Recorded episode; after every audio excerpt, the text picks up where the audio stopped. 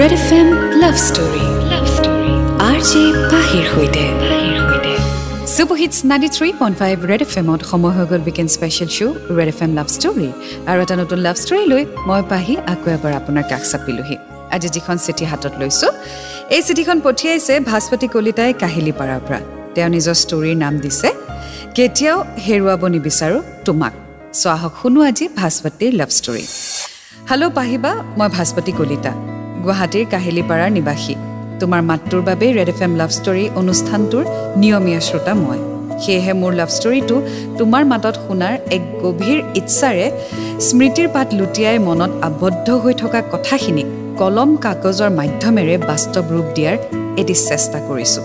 বৰ্তমানৰ যান্ত্ৰিকতাই চিঠি লিখাৰ অভ্যাসটো যেন নোহোৱা কৰি দিছে। সেয়ে কিবা ভুল হ'লে শুধৰাই দিবা। এতিয়া আৰম্ভ কৰোঁ। মই বৰ্তমান দ্বাদশ শ্ৰেণীৰ বিজ্ঞান শাখাত অসম জাতীয় বিদ্যালয়ৰ এগৰাকী শিক্ষাৰ্থী। দুহেজাৰ একৈছ চন হাইস্কুল শিক্ষান্ত পৰীক্ষাত উত্তীৰ্ণ হৈ নতুনকৈ একাদশ শ্ৰেণীত নামভৰ্তি কৰিছিলোঁ। লগতে এনেকুৱা এটা সম্পৰ্কত আবদ্ধ হৈ আছিলোঁ য'ত মই একেবাৰেই সুখী নাছিলোঁ। সদায় সদায় কৰা কাজিয়া সন্দেহৰ পৰা মই বিৰতি বিচাৰিছিলোঁ। কিন্তু তাৰ বাহিৰে বেলেগৰ কথা ভাবিবও পৰা নাছিলোঁ। অঁ নিঃসন্দেহে মই তাক ভাল পাইছিলোঁ। কিন্তু সি চাগে নুবুজিলে। তেনেকৈয়ে থাকি শেষত অন্ত পৰিল সেই সম্পৰ্কটো।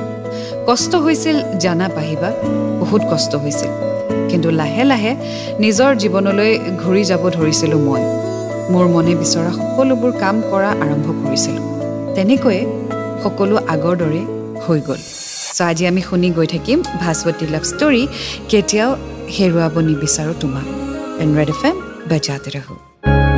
Red F M love story সৈতে। Super hits ninety three point five Red F এমত মই আপোনাৰ সৈতে শ্ব' চলি আছে special Red F M love story. আজি শুনি আছোঁ ভাস্পতিৰ লাভ ষ্টৰী। কেতিয়াও হেৰুৱাব নিবিচাৰোঁ তোমাক। আগলৈ তেওঁ লিখিছে আঠ জানুৱাৰী দুহেজাৰ বাইছ চন।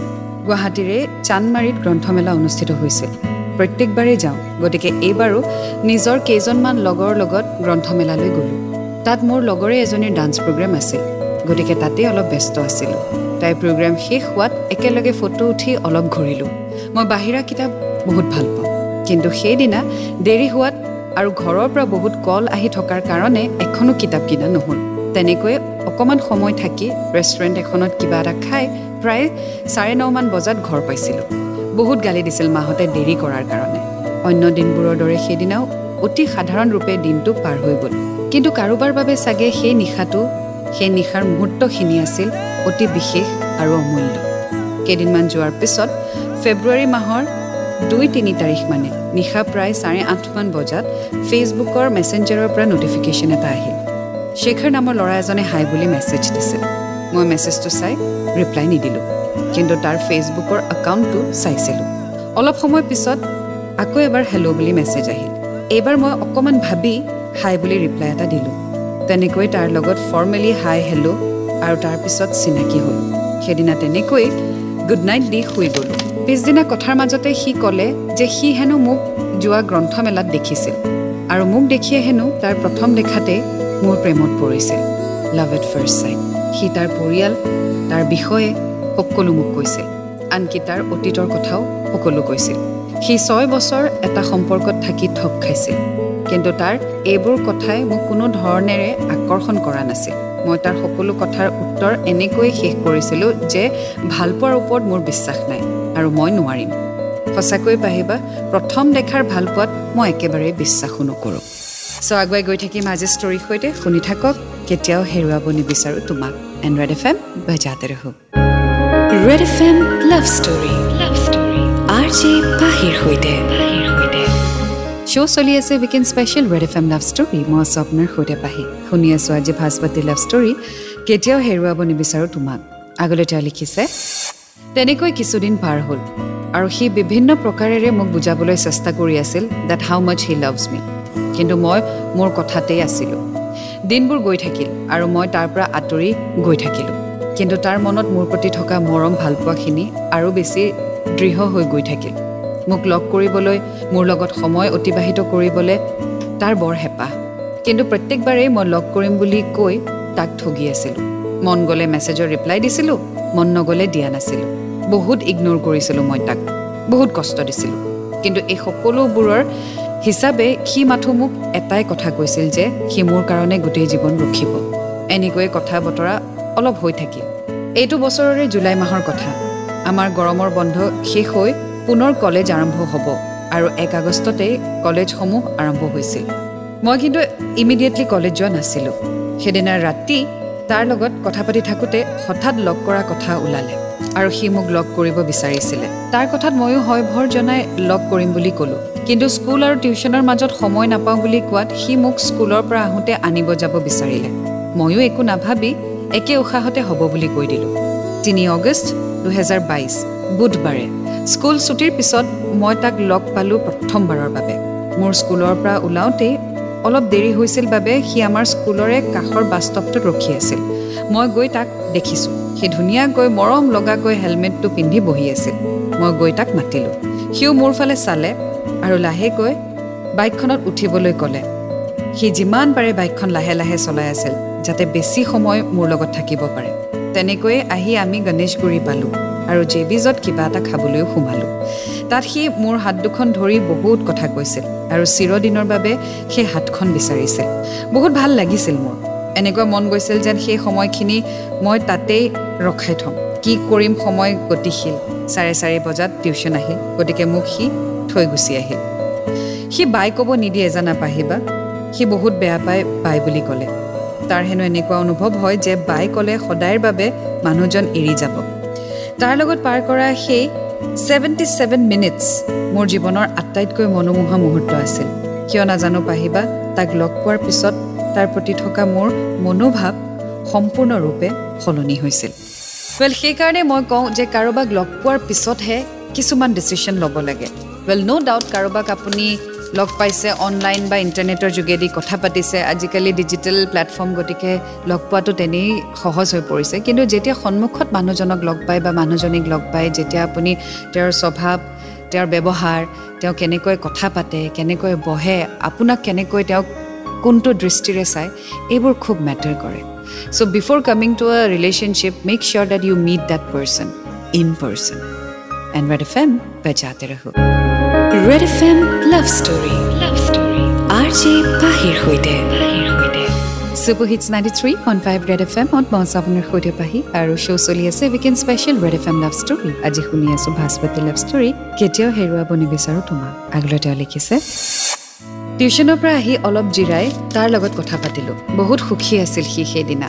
আৰু ক'ব নোৱাৰাকৈয়ে মোৰো মনটো বৰ ভাল লাগি আছিল। কথাই কথাই সি ৰিলেশ্যনশ্বিপ আৰু সি যে মোক ভাল পায় আৰু মোৰ কাৰণে ৰখি আছে সেইটো ক'লে। মই বিশেষ ইমান ৰেচপঞ্চ নকৰিলোঁ।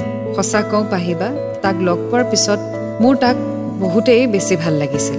আৰু ক'ৰবাত নহয় ক'ৰবাত তাক মই ভাল পাবলৈ ধৰিছিলোঁ। ভাল পোৱাটো জানো কেনেকুৱা বস্তু ন? সেইদিনালৈ যাৰ লগত মই চিনাকি হোৱা নাছিলোঁ ভালকৈ কথাই পতা নাছিলোঁ আজি তাৰ প্ৰেমত পৰিলোঁ মই। তেনেকৈ ভাবি থাকোঁতে নটিফিকেশ্যনৰ সৈতে মোবাইলটো বাজি উঠিলে। খুলি চাই দেখিলোঁ সি মোক আকৌ প্ৰপ'জ কৰিছে। কিন্তু আগৰবাৰৰ দৰে এইবাৰ মই হুঁ আৰু ওঁ বুলি নিদি directly I love you too বুলি কৈ দিলোঁ। মোৰ মেছেজটো চাই সি অলপ সময় একোৱে নক'লে। আচৰিত হৈ গৈছিল চাগে। কেতিয়াও নভবা কল্পনা নকৰা ৰিপ্লাই এটা পাই সি সঁচাকৈয়ে অবাক। সি মোক বাৰে বাৰে সুধি আছিল সঁচানে সঁচানে? আৰু ময়ো সঁচা বুলিয়ে কৈছিলোঁ।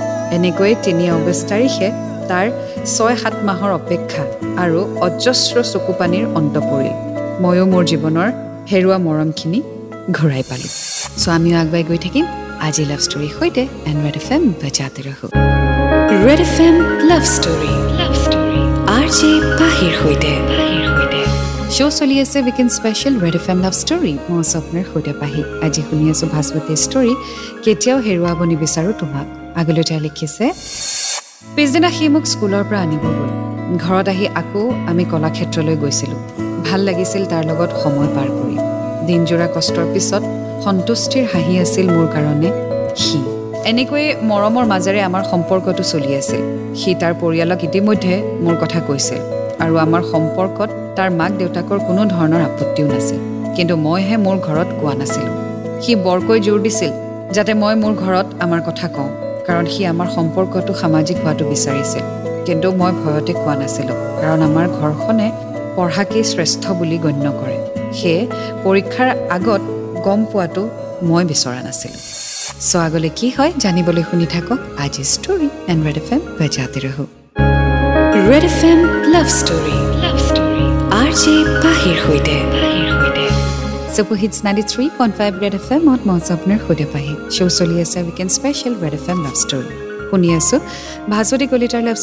কেতিয়াও হেৰুৱাব নিবিচাৰোঁ তোমাক। আগলৈ তেওঁ লিখিছে ৰিলেশ্যনশ্বিপত অহাৰ পৰাই আমি ক'তো ইমান বিশেষ ঠাইত ফুৰিবলৈ যোৱা নাছিলোঁ। পোন্ধৰ আগষ্টত দুয়ো সোণাপুৰ যাম বুলি ঠিক কৰিলোঁ। বহুত হেপ্পী আছিলোঁ মই। কিন্তু সেইদিনা ভবামতে একোৱেই নহ'ল। প্ৰথমতে আমি লগ কৰা কথা আছিল দহ বজাত কিন্তু সি আহিলে এঘাৰটা পোন্ধৰত এনেকুৱা খং উঠিছিল মোৰ। ভাবি আছিলোঁ আহকচোন সি নাযাওঁ বুলিয়ে মই ক'ম। কিন্তু কি কৰিম সি আহি যেতিয়া চৰি বুলি ক'লে তাৰ চৰিত মই চব পাহৰি গ'লোঁ। পিছত সি আহি পাই মোক এইটো জনালে যে আমি অকলে নাযাওঁ আমাৰ লগত তাৰ লগৰ কেইজনমানো যাব চাৰিজন ল'ৰা। সেইটো শুনি মোৰ আৰু বেছি বেয়া লাগিছিল। সিহঁতৰ বাবে ৰওঁতে ৰওঁতে প্ৰায় চাৰে বাৰমানেই হ'ল। তাৰপিছত আমি সোণাপুৰলৈ যাত্ৰা আৰম্ভ কৰিলোঁ। তাত গৈ অলপ ঘূৰিলোঁ মেলিলোঁ খালোঁ আহিব লওঁতে বৰষুণে পালে। আমি তিনিবাৰমান বৰষুণত তিতিলোঁ। মুঠতে গোটেই দিনটো বেয়া গৈছে সেইদিনা মোৰ। অলপ সময়ো আমি ভালকৈ কথাই পাতিব নোৱাৰিলোঁ। তেনেকৈ খঙত ঘৰলৈ আহিলোঁ। দুয়োটাৰে মনটো বেয়া। পিছত সিও মোক চৰি ক'লে ময়ো ক'লোঁ। পিছত আমি একেলগে শ্ৰদ্ধাঞ্জলি কানন দীঘলী পুখুৰী মুভিজ চন্দ্ৰপুৰ এনেকৈ বহুত ঠাইত একেলগে সময় পাৰ কৰিছিলোঁ। কোনো এটা ঠাইত যাবলৈ সি সময়মতে আহি নাপায়। ময়ে সদায় তাৰ বাবে ৰ'ব লাগে। এইটোৱে তাৰ একমাত্ৰ বস্তু যিটো মই ভাল নাপাওঁ। এইবোৰৰ বাহিৰেও সি মোক যথেষ্ট মৰম কৰে বহুত ভাল পায়। মোৰ কিবা হ'লেই সি বহুত ভয় খায়। আৰু এদিন নেদেখিলেই সি থাকিব নোৱাৰা হৈ যায়। সম্পৰ্কটোৰ বহুত বেছি দিন হোৱা নাছিল যদিও আমি বহুত কম সময়ৰ ভিতৰতে দুয়ো দুয়োকে বুজিছিলোঁ আৰু যথেষ্ট বিশ্বাস কৰিছিলোঁ। একো নক'লেও বুজি পাইছিলোঁ দুয়োটাৰ মনত কি চলি আছিল।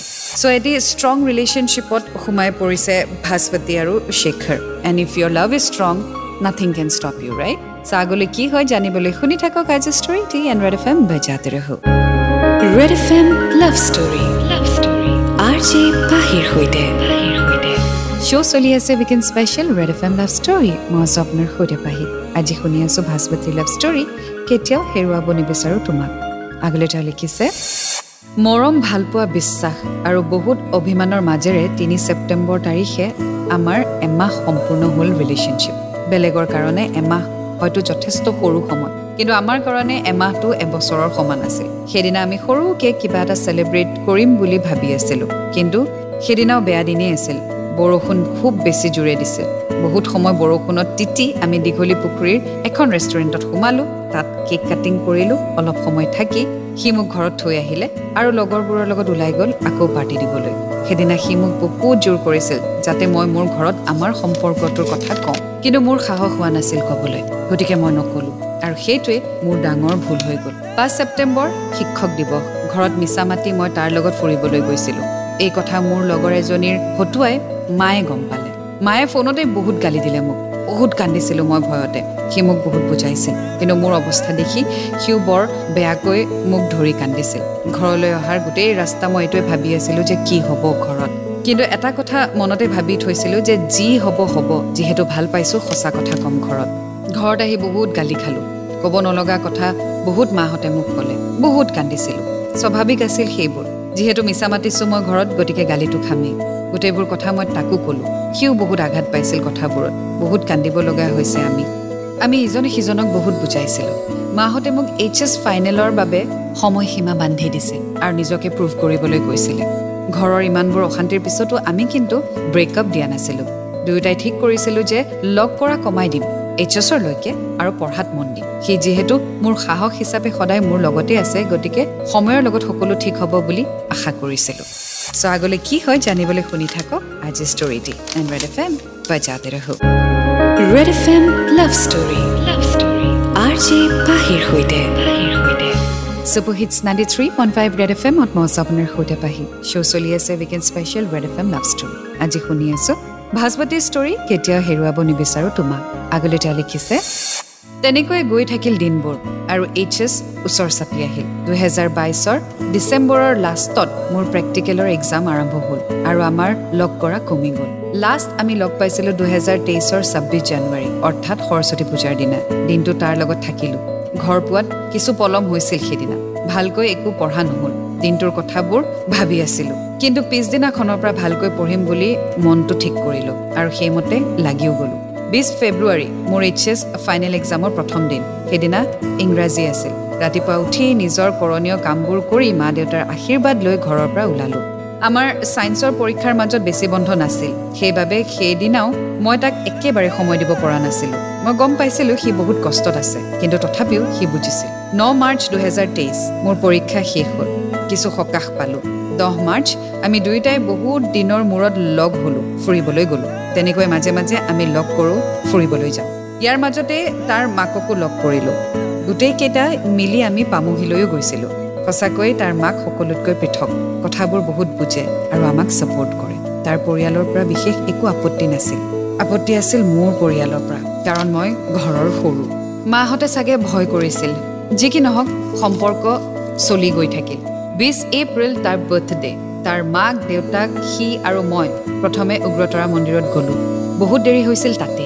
তাৰপিছত আকৌ সি আৰু মই চন্দ্ৰপুৰৰ এঠাইলৈ বুলি গ'লোঁ। সেইটোৱেই আমাৰ ভুল হ'ল। তাৰ পৰা দেৰি হ'ল আৰু মায়ে মোক বহুত গালি দিলে। মাক মই মিছা মাতিছিলোঁ যে আমি দূৰত ক'তো যোৱা নাই। কিন্তু এই মিছা কথা বেছিদিন টিকি নাথাকিলে। মায়ে সকলো কথা গম পালে বাৰ হতুৱাই। আৰু মায়ে মোক বহুত মাৰিলে। বহুত বেয়া বেয়াকৈ ক'লে। মাৰ প্ৰত্যেকটো কথাত মই আঘাত পাইছিলোঁ। কিন্তু নীৰৱে আমাৰ সম্পৰ্কটোৰ কাৰণে সকলো সহ্য কৰিছিলোঁ। সকলো বন্ধ কৰি দিয়া হৈছিল মোৰ।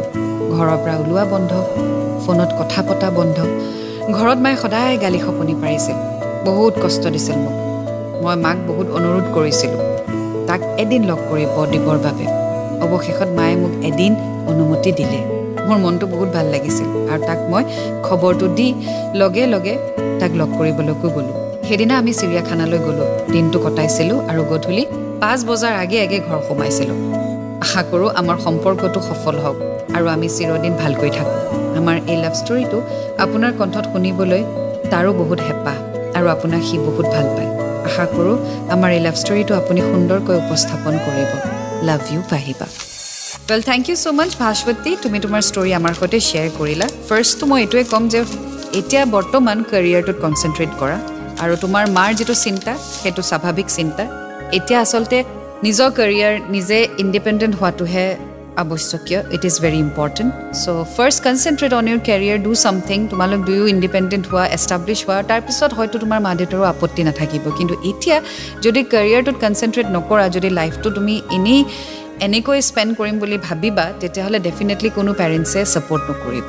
So' I wish you all the best to you and to him as well আমি অফক'ৰ্ছ তোমাৰ পাৰ্টনাৰৰ নাম চেঞ্জ কৰি দিছোঁ because of privacy reason so' I wish you all the best and may you have a very beautiful year ahead and এটি নতুন ষ্টৰীৰ সৈতে আকৌ লগ পাম until then to fall in love it's a great feeling you will get to learn a lot and always remember I love you and Red F M বজাতে ৰহো